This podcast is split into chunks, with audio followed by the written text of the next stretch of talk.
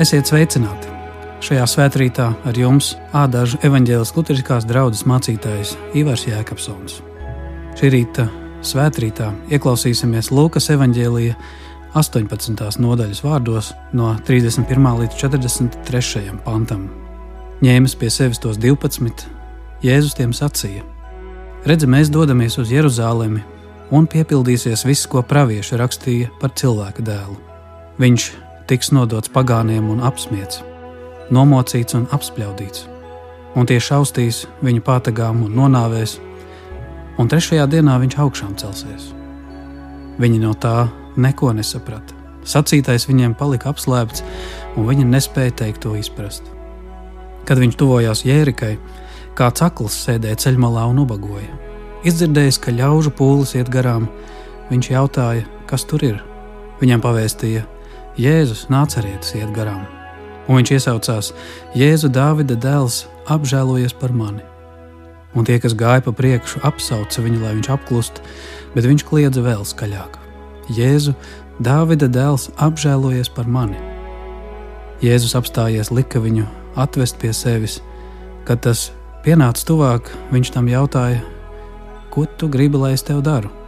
Viņš atbildēja: Kungs, lai es redzētu. Un Jēzus viņam sacīja: Topi redzīgs, tava ticība tevi ir dziedinājusi. Un tūlīt viņš kļuva redzīgs, un dievu slavēdams gāja viņam līdzi, un visi ļaudis, kas to redzēja, godināja Dievu.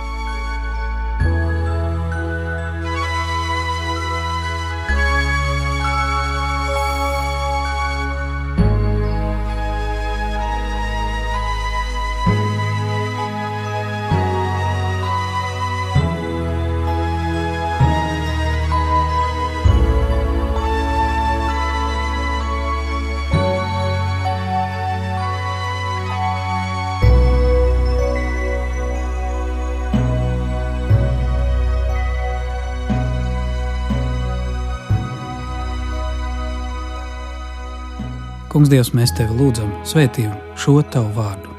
Tavs vārds ir patiesība. Āmen!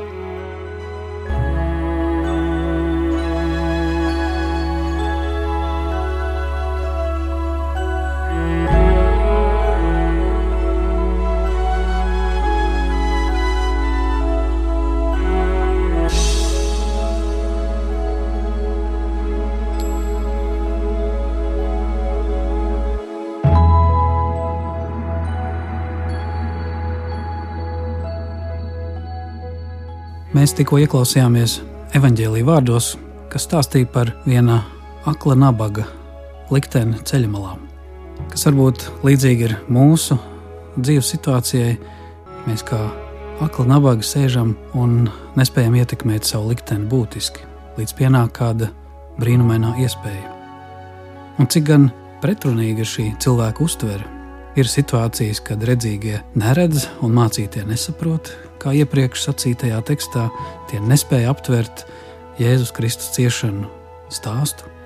Bet viens akls nabaks savā vienkāršībā redz, apliecina Jēzu par Dieva dēlu un mesiju un piedzīvo brīnumu. Kad Jēzus runāja par savām ciešanām ar mācekļiem, tas viņiem nebija saprotams. Un iespējams arī mums tas vēl īsti nav aptverams, bet gaidāmajā lieldienu laikā tas būs vēl jāizdibina un jāpadziļina atkal no jauna. Vispirms mums vajag spēju redzēt, spēju sadzirdēt, lai tad uztvērtu Jēzus personas noslēpumu. Un kaut fiziski mēs esam vairāk vai mazāk veseli, mums jātop dziedinātiem vispirms no tās acu slimības, kas nespēja sevi atpazīt, grēcinieku, kas savā lepnumā varbūt īsti nespēja pieņemt vai atzīt dieva mīlestību, kas mums dāvina pestītāju un kas savā dziļākā būtībā nespēja saredzēt to, kas manai dvēselē tiešām būtu vajadzīgs. Nevis tikai ārēju problēmu risināšana, bet dziļāku sakņu saskatīšana.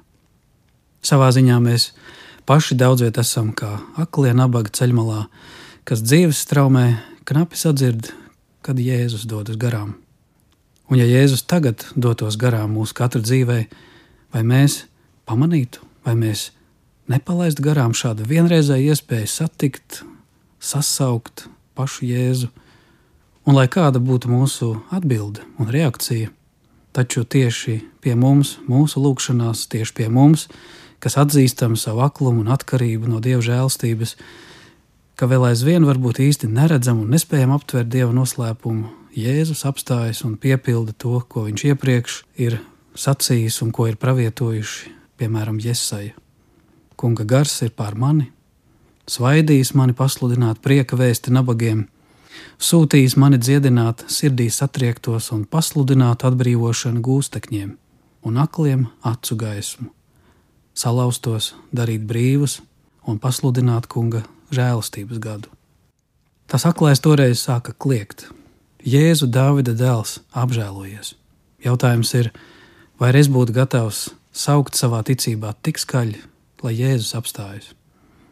Vai es pārvarētu savu kaunu, vai savu lepnumu, vai savus aizspriedumus un uzdrošinātos runāt ar Jēzu no sirds uz sirdi? Katrā ziņā Mums īsti nav zināms, kā aklais nabaks tur nonāca, tur tajā dzīves ceļmalā, bet tā bija vieta, kurā notika brīnums.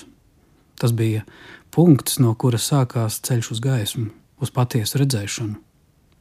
Un jautājums paliek īsti neatbildēts, kurš un kāpēc iedomājās viņu nosaukt tieši tādā vārdā, kā evanģēlists Marks desmitā nodaļā šo pašu gadījumu stāsta un nosauc to par Bartimēju, jeb Timēja dēlu. Timējas tulkojumā ir nešķīsts, samaitāts. Citiem vārdiem sakot, Bartimējs ir nešķīstā dēls. Mēs īsti nezinām šī nabaga izcelsmes stāstu, bet zinām, ka viņu apzīmēja tādā vārdā, ar ko apzīmē dažkārt cilvēkus, lietas, ēdienas vai vietas, kas ir nešķīstas un samaitātas. Jā, vārdi, kādā cits citu iesaucam, kaut ko atklāja, kaut ko parāda par mūsu stāstu kāda iesauka vārds, pat uzvārds var kļūt mums par svētību, vai arī gluži otrādi par lāstu, kas nāk līdzi man kā kaut kas tāds, kas padara mani slimu. Jā, varbūt tieši tas mani var padarīt par aklu, ka es neredzu kādu cerību. Kaut es varētu redzēt nevis sevi tādu, kā citi man redz, kā citi man nosaukuši, bet kāds es īstenībā esmu Dieva priekšā. Atceros kādu stāstu par sievieti, kur piedzima ar eh, kroplu seju dzemdību traumas rezultātā, un izlasījusi Bībelē rakstu vietu: Dievs, tu brīnišķīgi esi mani radījis. Viņa nespēja šiem vārdiem noticēt, skatoties spogulī. Bet tad, kad viņa mazāk skatījās spogulī, bet vairāk tajā, kā Dievs uz mani skatās, kā Dieva vārds uz mani saka, veselu gadu viņa sev atkārtoja: Brīnišķīgi, tu mani esi radījis. Un ziniet, Kaut kas šī cilvēka dvēselē, acīs tā izmainījās, ka neviens vairs īsti nepievērs uzmanību tām baisajām rētām sejā, bet redzēja skaistās acis. Likās, ka šis sejas kroplības lāsts tika noņemts ar vārdu brīnišķīgi tu man esi radījis. Jā, kā sadzīvot ar vārdu nešķīsts un netīrs. Tas pat varbūt tīri glītu cilvēku var padarīt aklu un tumšu. Bet satikt Jēzu nozīmē varbūt tiešām iegūt šo dieva dēlu doto redzējumu, kas atdara man acis dieva mīlestībai. Šis kliedziens ir sadzirdēts, un kā šeit ir rakstīts, Jēzus apstājās. Jā, Jēzus ar to ir īpašs. Viņš pievērš uzmanību katram cietējam, viņš apstājas pie mums katra. Viņš nav tas aizņemtais līderis, bet tas ir tas, kurš ir gatavs aizkavēties, lai apstātos un dot iespēju. Un viņš jautā, ko tu gribi, lai es tev daru? Jēzus jautā šim Bartimējam, kuram vārds ir netīrs, ko tu gribi, lai es tev daru? Un iespējams, Jēzus jautā arī to mums, katram tev un man, kuram vārds ir grēcinieks. Katrs šajā stāstā par šo Bartimēju var saredzēt, un arī pat aklais var saredzēt, ka viņam ir nepieciešams atjaunot redzi, Taču Jēzus šeit nesaka priekšā, kas tev būtu nepieciešams. Viņš jautā, ko tu vēlies. Ja mēs iedomājamies sevi pašā Jēzus tūmā, mēs arī varētu jautāt, ko mana sirds sacītu, ja es viņu tā varētu satikt. Viena lieta ir domāt par to, ko es gribu vienā ceļmalā vai dzīves padibenē, bet pavisam cits, kad es nostājos tā priekšā, kurš visu zina kur viss top skaidrs, kur varbūt pat visi jautājumi izbeidzas un pamostas patiesās dzīves vēlmes un vajadzības. Ne katrs cilvēks varbūt uzreiz ir gatavs šādam dieva dēla jautājumam, ko tu gribi, lai es tev daru. Jo tas, kas vakar likās svarīgi, šodien jau ir izgājis no modes. Tas, ko es gribēju bērnībā, atšķirās no tā, ko es gribu pusmūžā, vecumā un pat mūžības priekšā. Kur kāds cilvēks pēc šīs dzīves sacītu, ak, kaut es būtu zinājis, es būtu gribējis to, ja ieraudzītu tā patieso vērtību. Vēlmes un vajadzības. Dažkārt to ir tik grūti noformulēt, bez grēka, bez vainas, bez galvu reibinošā neprāta kad cilvēks noreips no tā, apzinoties, ko tik es varētu īstenot, ja man būtu miljons vai kāda burvja nūjiņa vai zelta zivtiņa. Ko es vēlos? Tikai padzerties, paēst, draugus, mīlestību. Jā, šodien mūsu vēlmes ir kļuvušas īslaicīgas, ievirzītas kādā varbūt virtuālajā realitātē, atsvešināti, iepludinātas informācijas straumē, kas nezina, ko es īsti spēju gribēt, Vai tur maz ir vieta dievam, vai tur maz ir vieta Jēzus jautājumam, ko tu īstenībā gribi? Luters savulaik sacīja: Cilvēka griba ir kā nastu nesējis dzīvnieks. Ja tam mugurā sēž dievs, tas iet, kur dievs grib, bet kad tam mugurā sēž vēlns, tad tas klausa vēlna gribai. Jā, es vēlos, bet varbūt vēl īsti nezinu, kas būtu vislabākais. Es vēlos, bet mani sašķiļ pretrunas. Es iesprūstu starp manu grēcīgo un svēto, starp to, ko Bībele sauc vecais un jaunais Ādams. Es vēlos, bet kaut es zinātu, ko ir vērts vēlēties. Bet es zinu vienu, ka kaut kur mani sapņi, ilgas vēlmes, tieksmes, vajadzības, pat iegribas satiekas ar kaut ko svētu, kaut ko, ko var piepildīt tikai bezgalīgais un mūžīgais. Kā Klaivs Staples Luis sacīja, ja es atrodu sevī vēlmes, kuras nekas šajā pasaulē nespēja apmierināt, vienīgais loģiskais izskaidrojums tam ir tas, ka es tiku radīts citai pasaulē. Arī Maikls Aivens sacīja, mūsu dziļākās vēlmes darbojas kā sava veida urbis, kas izurbis cauri mūsu dzīves virsējiem slāņiem, dziļāk par vēlmēm būt veselam, nodrošinātam un dziļāk pat par savu drošību un dzīves statusu, līdz sasniedz mūsu vēlmi pirmo otru, un tas ir Dievs. Dieva vārds par cilvēka dziļākām vēlmēm un aicinājumiem saka mīlēt un būt mīlētam. Kā ir sacīts, mīli Dievu no visa spēka, prāta un sirds un gribas, un tad arī savu tuvāko kā sevi pašu.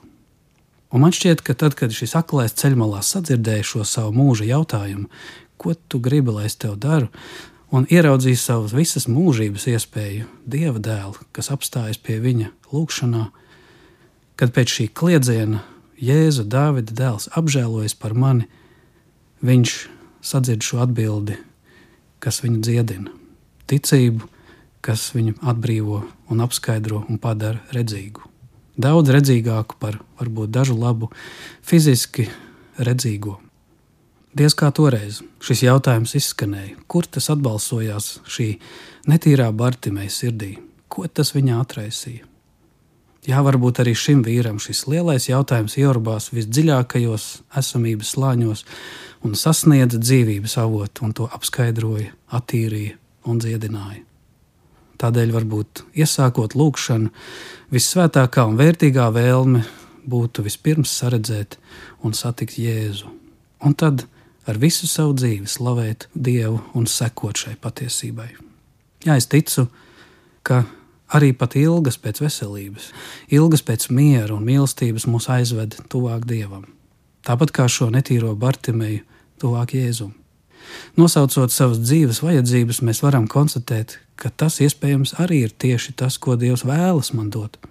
Un nosaucot to vārdā, iemācoties formulēt savas dziļākās vēlmes, mēs varam būt uzklausīti un piepildīti.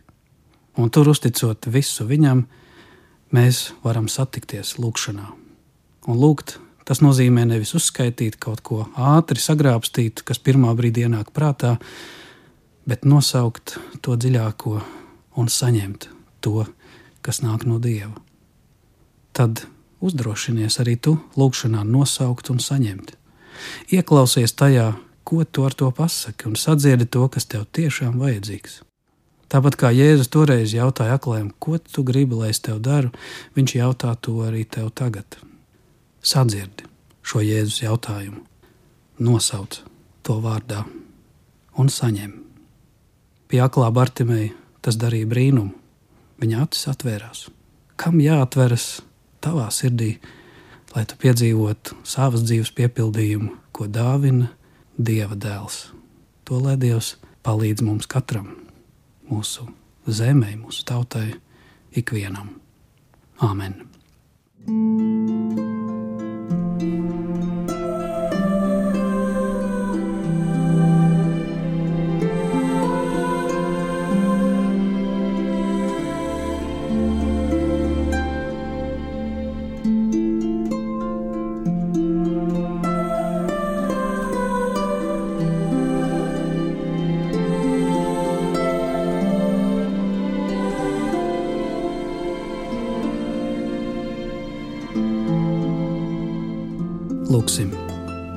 mīlošais Tēvs, Tu uzrunā mūs caur visu, kas notiek mūsu dzīvē. Palīdz mums uzticēties Tevi visā, arī tajā, ka mūsu vēlmēs mēs varam satikt Tevi. Ka tajā, ko Tu esi pamodinājis manā sirdī, tur mēs varam satikt mūsu pestītāju Jēzu, ilgās pēc patiesas gaismas, tīrības, brīvības, no grēka, tumsas un nāves. Palīdz man pieaugt tajā, ko tu man esi ielicis un veidojis. Palīdz man atraisīties tam, kādēļ tu man esi radījis un atpestījis. Jā, patiesi, Kungs, svētī manas vēlmes, ka tās var sekot tavam brīnišķam aicinājumam un var pagodināt tevi mūžīgo ar visām dāvanām, ar visām tām svētībām, kā tu mani svētī, un manī un caur mani arī citus, kuru ikvienu dzīves ceļā satieku. Svētī ar to mūsu katru, mūsu zemi, mūsu tautu. Jēzus vārdā mēs lūdzam, mūsu Tēvs debesīs, svētīts lai top tavs vārds, lai nāk tava valstība, tavs prāts, lai notiek kā debesīs, tā arī virs zemes. Mūsu dienascho maizi dodi mums šodien, un piedodi mums mūsu parādus, kā arī mēs piedodam saviem parādniekiem. Un neieved mūsu kārdināšanā, bet atpestī mūs no ļauna. Jo tev pieder valstība, spēks un gods mūžīgi mūžos. Āmen!